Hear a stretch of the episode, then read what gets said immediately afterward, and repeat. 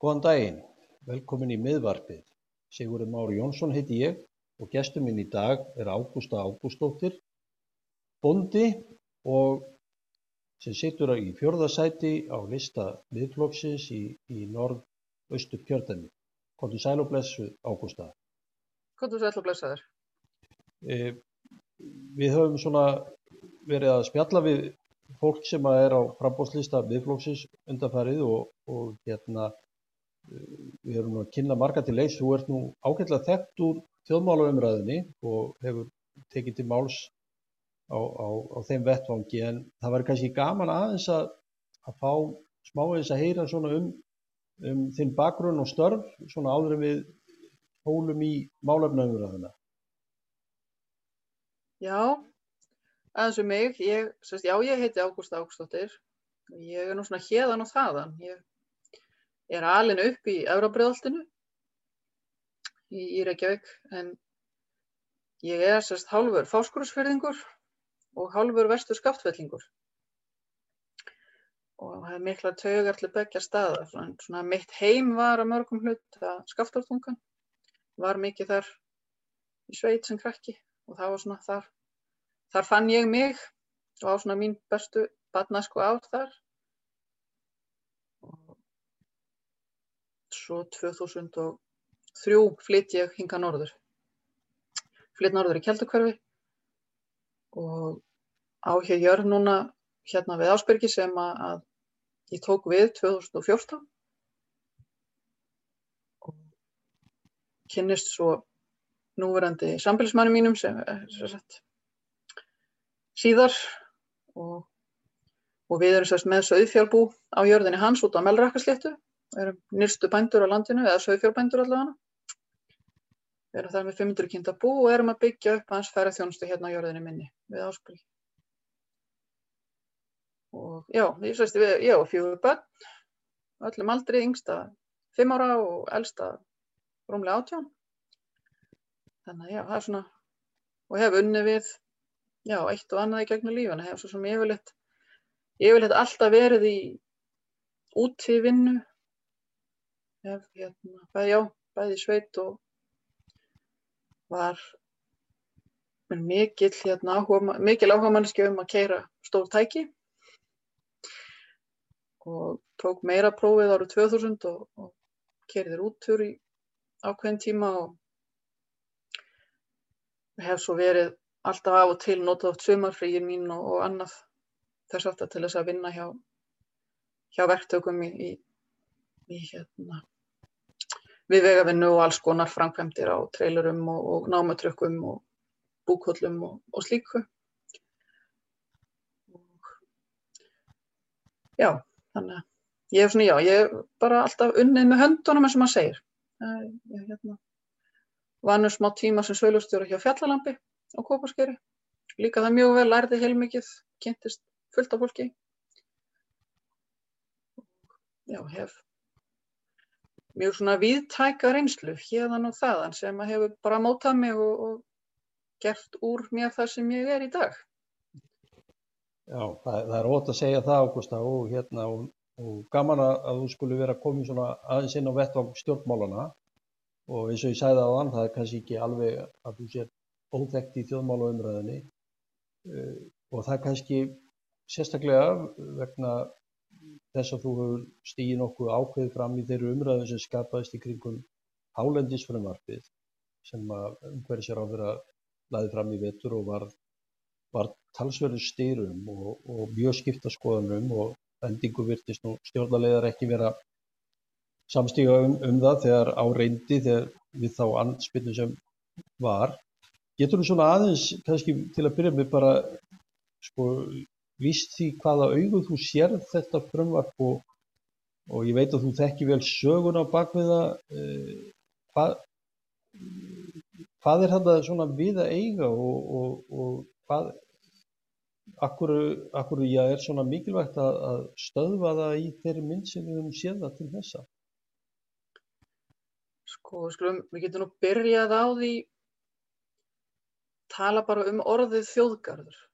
Sko það er voðalega auðvelt að setja mann upp á einhvern svona aftökustall og, og halda því fram að ég sé bara móti þjóðgörðum yfir höfuð. Það bara er ekkert alls ekki þannig. Uh, minni þjóðgarðar eiga bara fullan rétt á sér og þeir þjóna ákunni tilgangi. Þeir draga ferðamennin á svæði og, og þeir þjóna náttúruvend. En að ætla að fara stopnana væða nánast eins og stefnir í að verða helmingin á landinu, það, það er svona ofstækið að mínu mati og engin rauk þar á bakvið og, og hans er margt sem að uh, hefur þar runnið saman í, þeir, í því markmiði og þeim áróðri gegn bæði þeim sem eiga lönd í engaegu, fyrirtækjum, í einhverju svona forræðishyggju um að enginn geti hugsað um land nema ríkið og enginn geti verndað land nema ríkið. Og það bara er ekkert þannig. Og, og þjóðgarður er ekkert annað en stopnum. Þetta er ríkistofnun. Og við höfum öll meir og minna í gegnum tíðina haft einhver kynni af ríkistofnunum.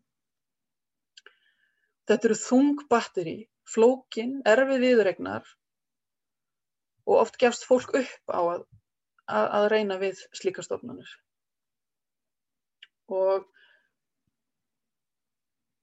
þannig bara verið að gera tilröðin til þess að stofnana væða meira hlutan á öllu hálendinu að þér virðist í þeim eina tilgangi að komi vekk fyrir alla orkuvinnslu en nota allt önnur orð.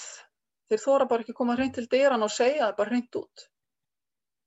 Þannig að þarna er svolítið að vera að svara öfgum með öðrum öfgum. Og að milli situr meiri hlutin af þjóðinni sem er bara venlegt fólk, náttúrunendur, gríðarlega margir fjölbreyttir hópar af fólki sem ferðast á misjafnan hátt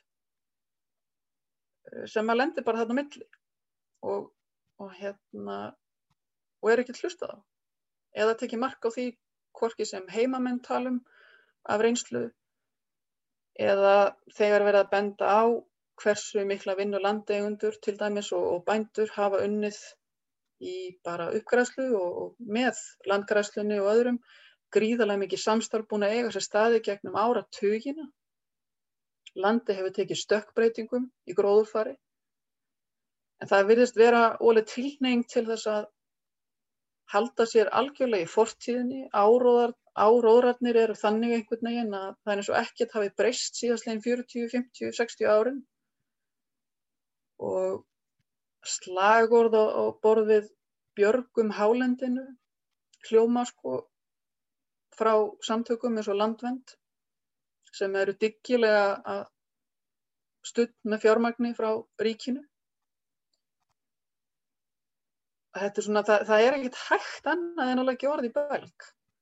Þegar að áróðurinn er þannig uppsettur að mönnum er stilt upp í lið og okkur öllum sem hefur tekist að vinna saman hér í gegnum þessa áratvíi þó að eðlilega séu menn ekki alltaf sammála um allt en þetta hefur verið tilturlega gott samstarf sama við hvernig maður hefur talað þó að eins og ég segi auðvitað eru átök hér og þar og menn takast á um hluti. En að, að sko miðhálandist þjóðgarð þetta er þið ríki innan ríkis, innan ráðunitis innan alþingis. Þetta er ekki sko það eru sér lög og reglugjörður sem að gilda algjörlega innan þjóðgarðs. Og ef við tökum bara sko friðlýst svæði á Íslandi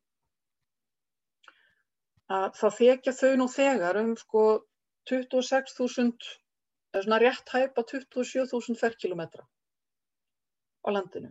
Og Ísland allt eru 103.000 ferkilometrar eða 103.000, já.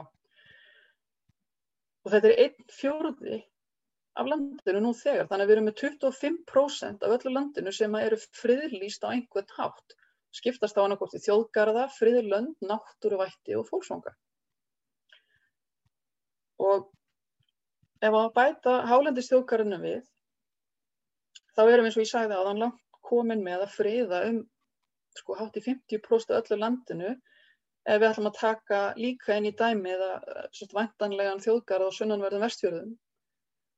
Það er umræða að friða allan breyðafjörðin og þetta er allt saman sett fram með ægulegum skreitingum, glimmeri og, og svona eins og okkar býði bara regnbóa land þar sem allir skoppa um hamingjusamir og, og, og fallegir án þess að sína fram á nöðsin þess að breyta þurfi þjóðlendunum í þjóðgæð. Og það hefur engin samanburðar eða þarfagreining farið fram og engin áþreifanleg rauk hafa verið heldurlega fram sem að sína fram á sko, hvers vegna leysa þurfi þjóðlendunar upp og gefa landið hreinlega undir þjóðgæð. Þannig verið að gefa landið. Þannig að sko, menn tala um að þarna sé, sé nú líðræði. Þjóðlendur eru líðræði. Það er hæ, heyra undir fórsættisráðneitið, beint. Sveitarfjölugin eru með eh, deiluskipu, þessar skipulagsvaldið og með aðkomu bara margara annara aðalega þarna. Þjóðgarðunum er bara ekkert slíkt. Þó þeir haldi öðru fram með svæðisráðum og, og, og þessu. Bara, þetta er bara ekkert rétt. Og, og einhver hluta vegna, þá tala menn rúslega, allavega í upphæfi og meðan það var verið nú að reka sem mestan áróðurinn að þá menn tala menn mikið um óreiðu. Það sé svo óbúslega óreiða upp á hálendinu. Þetta, en einhver hluta vegna að þegar þeir eru endalust yndir eftir hver þessi óreiða sé, að þá kemur ekkert. Þeir tala um utanvegakstur, það var nú svona stærstu, svona já, rökkinn, þetta var nú svona aðalmálið, það var alltaf utanvegakstur. En þegar að, að skýslur eru skoðar bæði um skráningar og utanvegaksturi sem að umhverjastofnum gefa nút, að sko þjóð, hérna, þjóðgarður útilokkar ekkert að það kemur í vekk fyrir utanvegakstur. Hann þrýfst innan þjóðgarðs alveg jafn mikið utan hans. Það er hægt að færa fram rauk og segja já en ef þetta fyrir þjóðgarð þá minkar utanvegakstur af því að þá eru fleiri landverðir sem að leiðbeina og að því að flestir eru ekki að valda náttúrspjöllum af einhverjum ásetningi, þetta er oft bara vannþekking og annað. Þetta eru rauk. En þú þarft ekki þjóðgar til þess að auka eftirlit eða fræðslu upp á hálandi. Þú þarft ekki marg miljardar króna bátt sem er opið cirka þrjá mánuðu ári fyrir almennur umferð til þess að fræða fólk um að, að keira ekki utan við. Þú getur gert þetta í gegnum umhverfstofnum með því að efla hana. Þú getur eflt samstarfið hinn ímsu félagasamtök. Að virkja fólki sem að er að ferðast og þau samtök sem að eru að ferðast um hálendi. Þannig að ég, ég kaup ekki þessi rauk sko, og þau standast ekki. Sko. Og, og samband við þjóðlendurnar, að það var mikil vinna lögð við þær á sínum tíma og það voru átök, sannarlega átök þar. Og þar voru sveitarsjóknar sem að viðröðu bæði áhyggjur og, og gerðu aðtöðsendir um að þeir voru hrættur um að þarna væri verið að stíga fyrstu skrefin í þá átt að stopna þjóðgarð. En það var þó fullirt af hennu ofinbera að svo væri bara alls ekki. Það væri bara engar slíkar áallanir í farvatninu og engin þörf á því. En hvað eru við stödd í dag? Samt geta þær í dag ekki sínt fram á þörfina. Það er engin þörf. Við höfum öll tól til þess að vernda náttúruna með öðrum aðferðum en að stopna þjóðgarð. En er það ekki einmitt, maður heyri það oft, þú farir mjög vel hérna yfir, yfir stopnanavæðinguna sem myndi þessu fylgja, en er það ekki, það er oft rauk þeirra sem berjast hvað harðast fyrir þessu álendis þjóðgarði og nefndi landvend meðal annars að, að í raun og veru þeir sem væri á mótis, þeir væri í raun og veru einhvern hátt ekki hlindir vernd, varðveislu eða að þeir væri svona jafnvel á móti vernd landsins ef þið var ekki, ef þið vildi ekki fara þessa aðferðafræði en þú hefur, þú hefur hérna verið að benda á að, að það er alls ekki þannig. Þú upplifir það ekki þannig. Já, þetta er einmitt það sem það gera. Það er einhvern veginn eins og ég sagði hann, mennum er stilt upp í einhver lið. Ef þú ert ekki með okkur í liði, þá ert það mót okkur. Og að því að maður setur fram rauk, maður er ekki sammála þessu, eins og bara margir aðrir, að þá er einhvern veginn, það er svo auðvelt að brenni merkja allt í dag. Að það er allt sett upp í einhverjum svona réttrúnaði. Ef þú fylgir ekki þessari stefnu, að þá ert þú bara á móti náttúruvenn, þú ert í afneitun á loftlagsvandamálum. Þetta er svona mjög þekkt aðferð öfgahópa, segi ég, sem að höfða beint til tilfinningafólks þegar það vil fá eitthvað í gegn. Og það er, það er eins og þetta sko að fólki með, með áróður í landvænda til dæmis þar sem þeir stilla upp svona myndum, það var sérst nota setninguna björgum hálendinu og svo myndir á náttúruperlum á, á, á landinu. Þetta er svona til að imprenta í fólk að, að, að bara hálendi sé bara í stór hættu. Og, en ég menna, hver er hættan? Það fylgd aldrei, aldrei skýringin, sko. En þá fylgd aftur á móti, sko, þess að segja þetta svona samfléttast í svo margt. Í kjölfara þessu fekk umræðan um ofbeitt byrjundir báðavengi. Rófkort Ólafs Arnalds sem áttu að sína það að ekkert hafi breyst í landinu í 30 ár.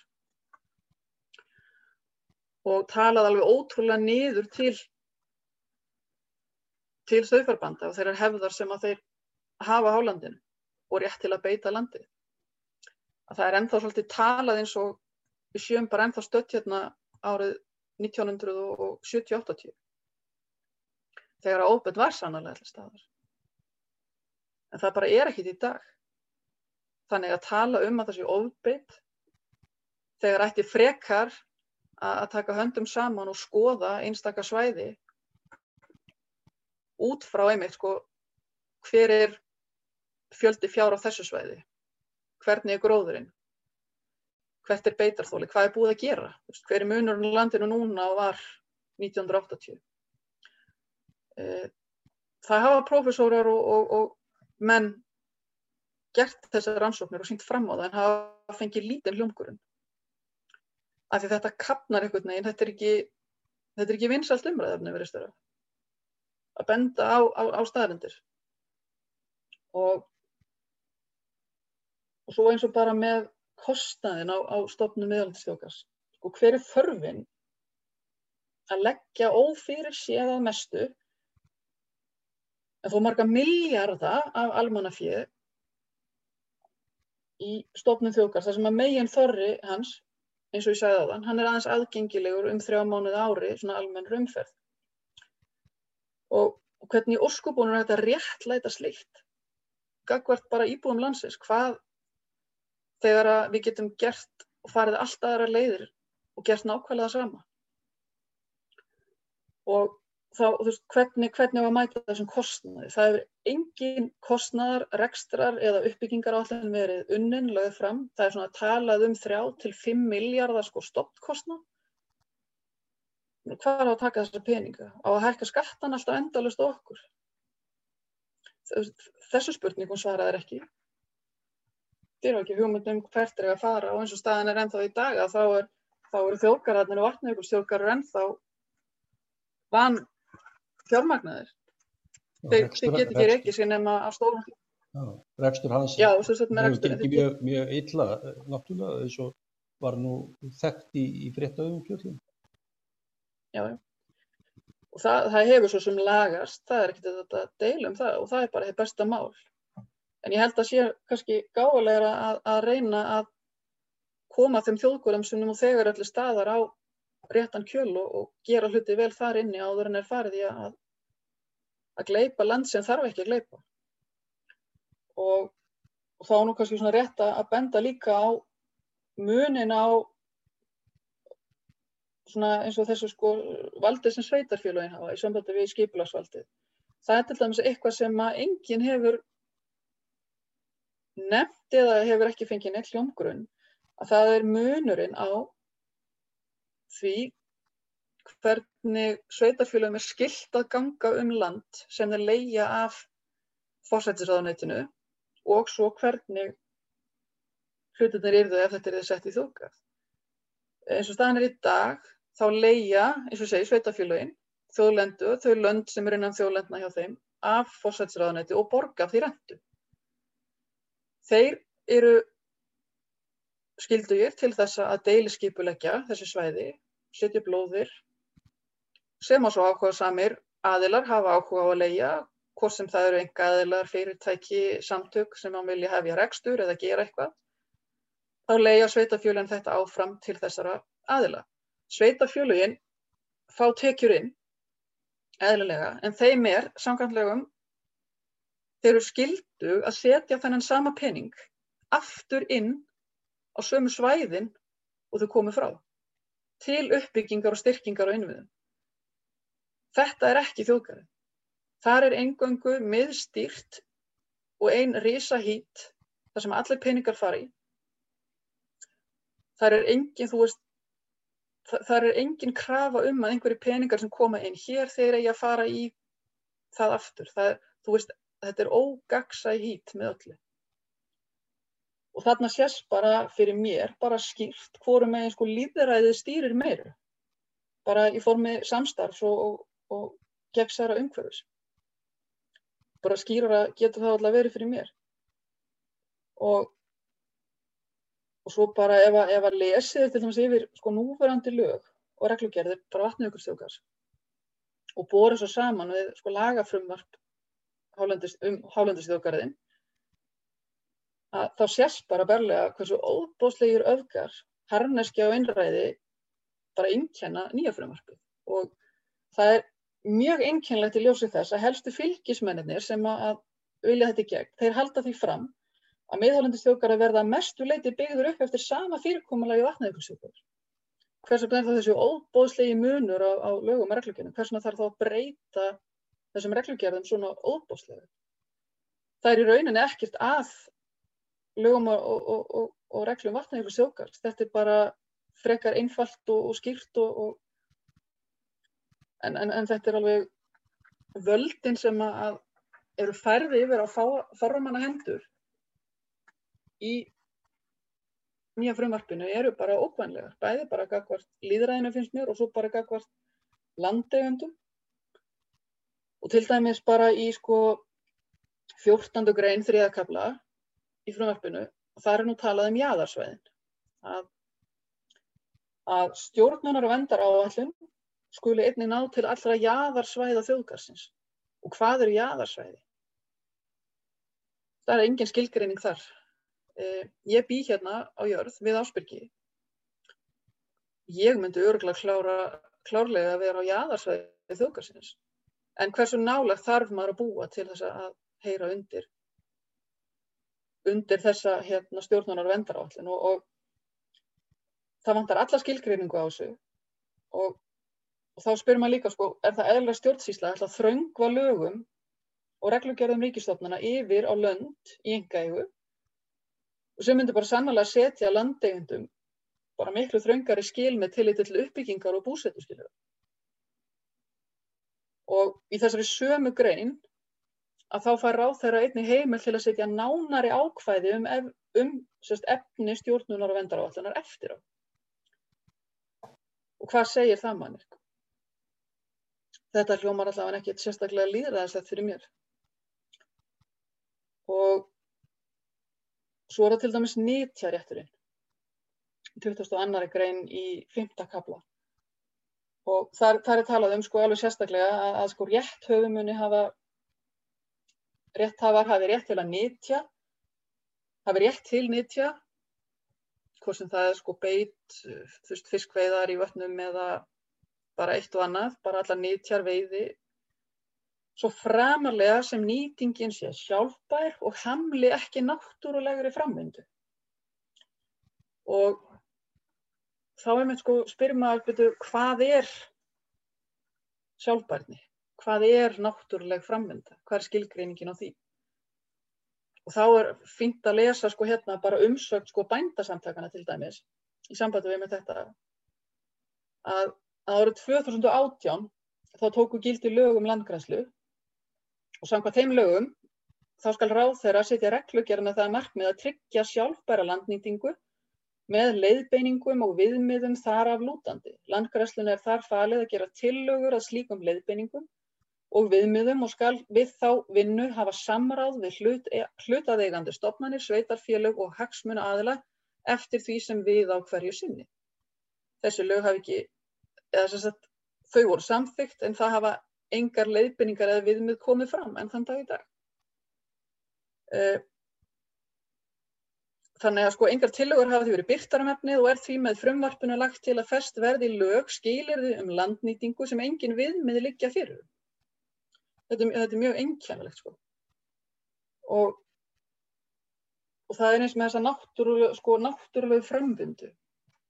Hvað er búið að vera eiga sér stað upp á hálendi síðastlegin 30-40 ár. Er það ekki náttúruleg framvinda með gríðalegri aðstóð líka mannlegra handa við að græða upp land þannig að, að sko þetta verist svona sett allt þetta er svona byggt upp þetta frumvarp þannig að sérstaklega einn maður sem er ráðherra fær völd til þess að breyta eða loka eða sérst, gera nokkur megin svona það sem að hann vill þegar hann telur ástæðu til.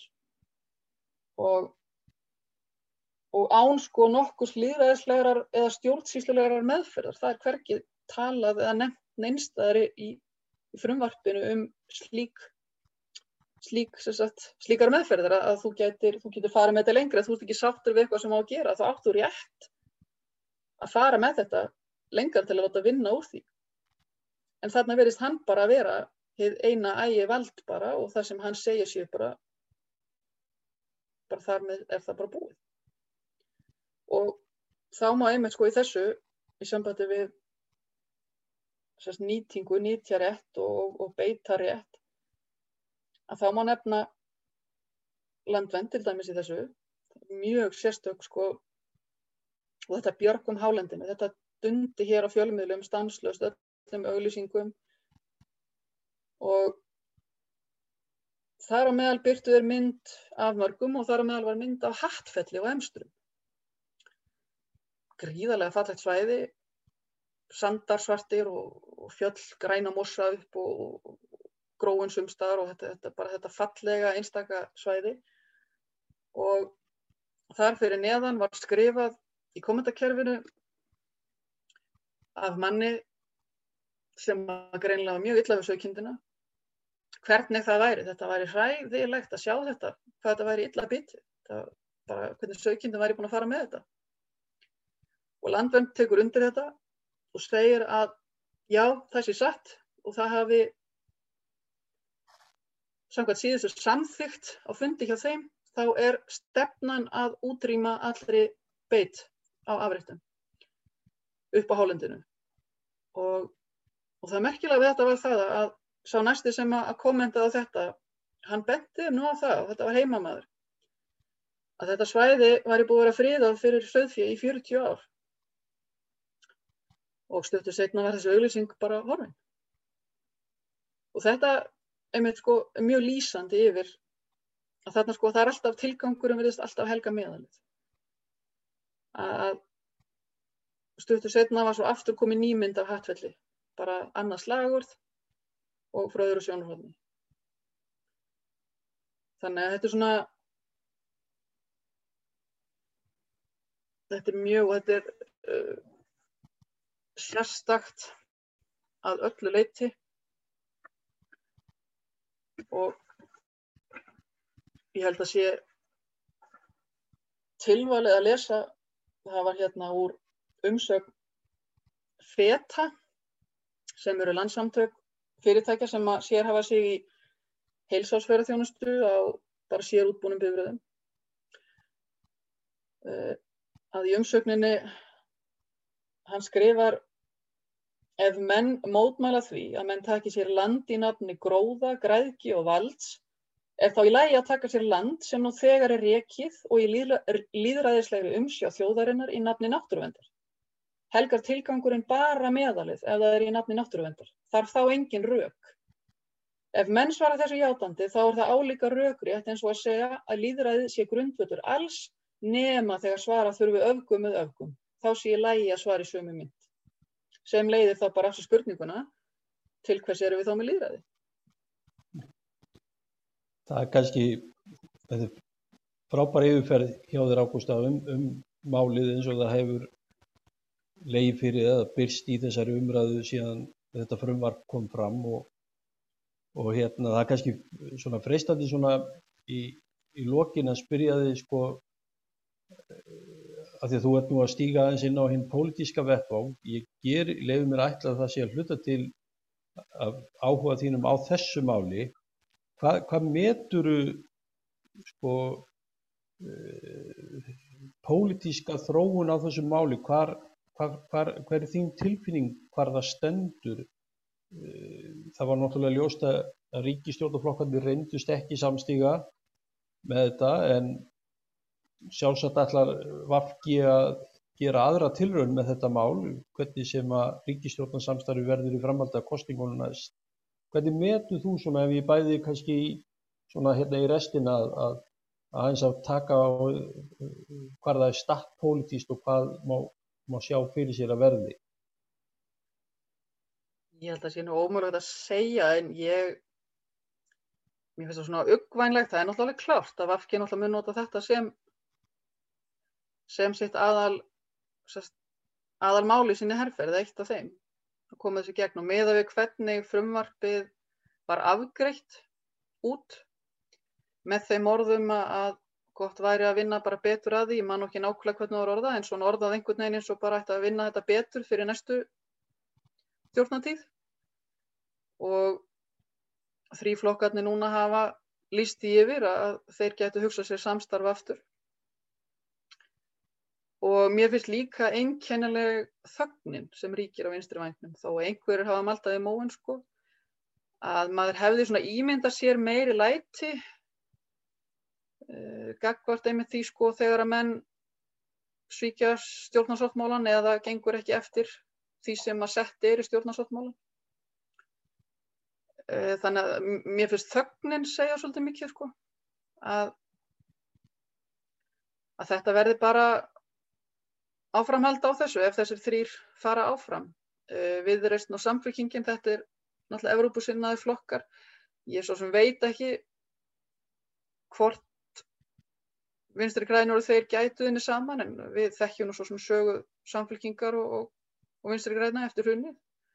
Þannig að mér, mér alveg já, ég eiginlega get ekki náð þá hugsun til enda að, að það verði annað slíkt samstarf til eftir þessa hérna skjálfbólk heimilana og það átt að skella okkur skella okkur í rauninni bara skulda fangjálsik akkvært alþjóða gældir í sjónum og, og, og ESB á sín tíma bara með einu pennastrykk eins og ekkert væri. Uh, já þannig að ég held bara hreinlega að að þetta verði bara áframhald á þessu málu og það er það sem ég óttast að þó að einstaka stjórnarlegar núna og, og menn innan bæði framsókn og, og sjálfstæði séu á móti þessu að þá muni þeir bara virka sem demparar næst sko. Þetta, þetta mun fara í gegn og, og á einhvern hátt eða svona já, þetta er svona ég hef allavega miklar áhugir af því mm. en svo bara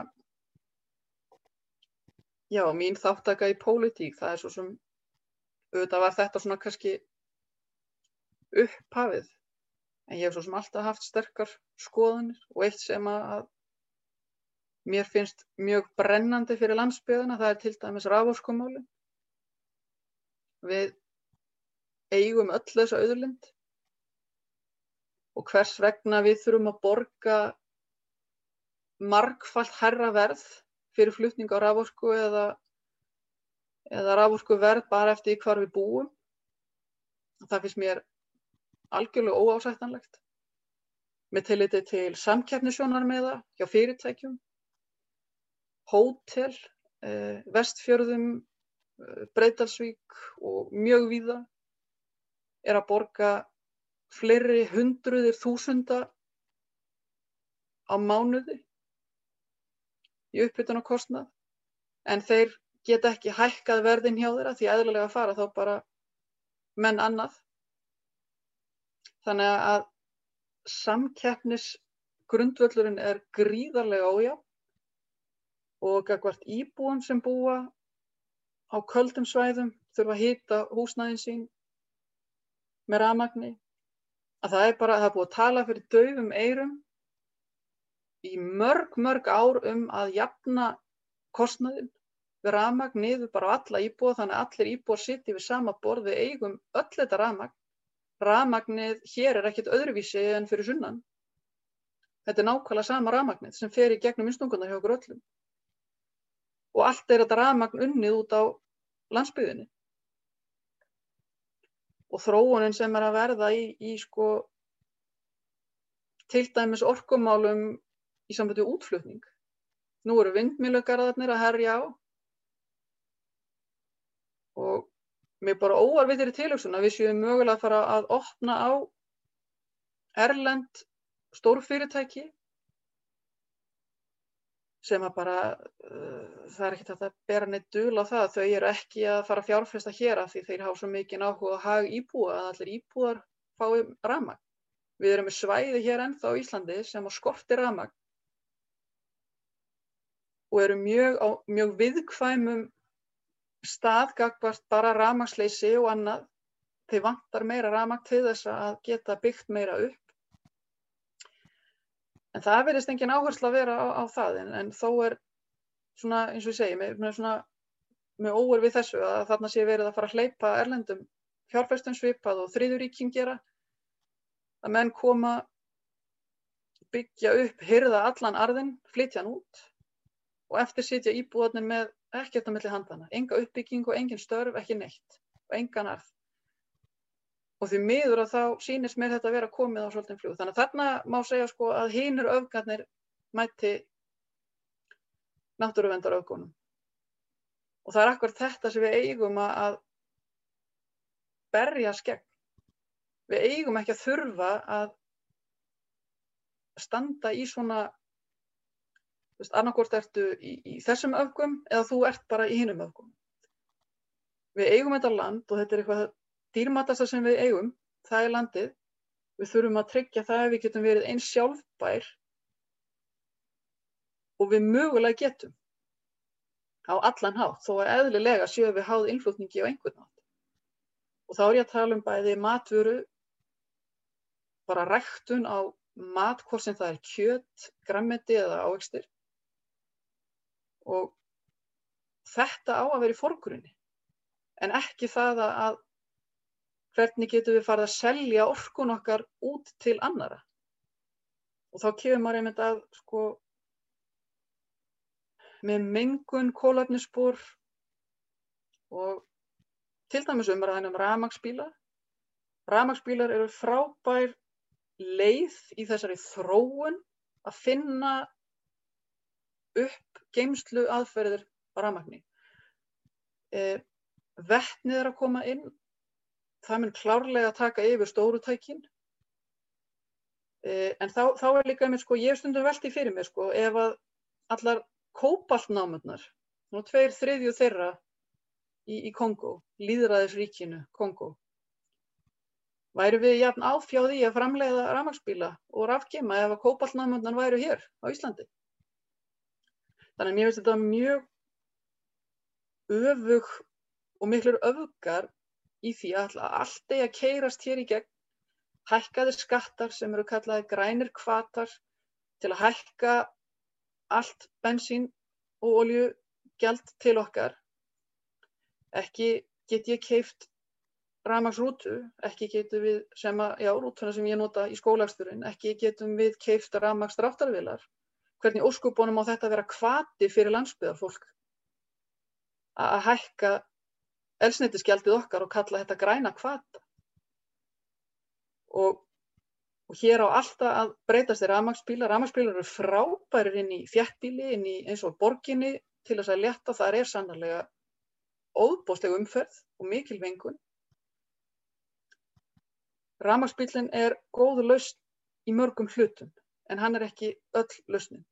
Og við erum ennþá þessari vegferð og ef að, ef að þetta er svona svipað og, og viðbröðin fyrst með við rafmagsbílnum eins og við hefðum sagt þegar að fyrstu bensínvílarnar voru búin til og fyrstu bílarnir og það hefðu bara menn sleið í borðið, já strákar, nú er það komið, við fundum upp bílvél, nú þurfum við bara ekkert að þróa neitt meira. Þannig að við þurfum svolítið aðeins að stíga allir baka og meðan við erum á einni hendinni að tala um að við þurfum að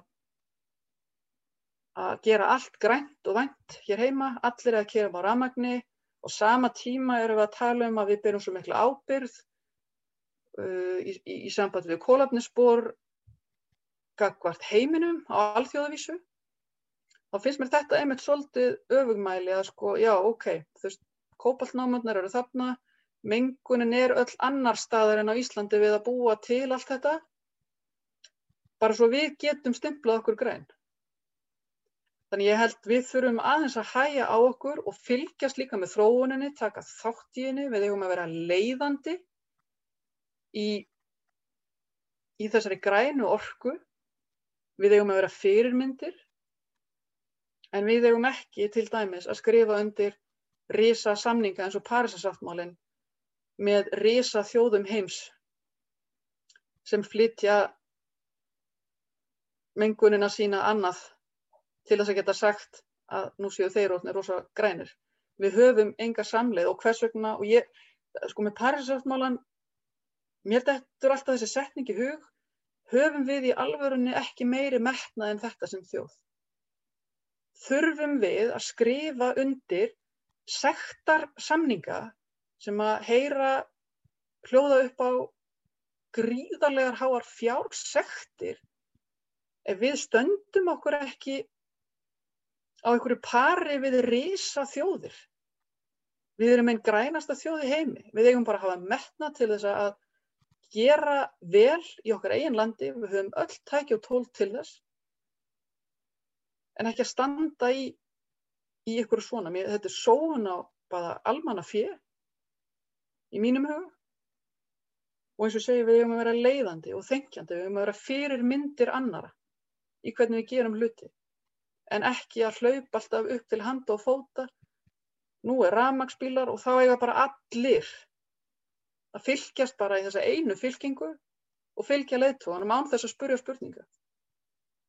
Þannig sé ég þetta svolítið og, og ramagsmál hér heima þurfa ansi mikið að jafnast út á meðal íbúa áður en við förum að ætla að deila þessu eitthvað annað og þar með tala eins og aflátsbrifin sem eru seldi gríðverk út.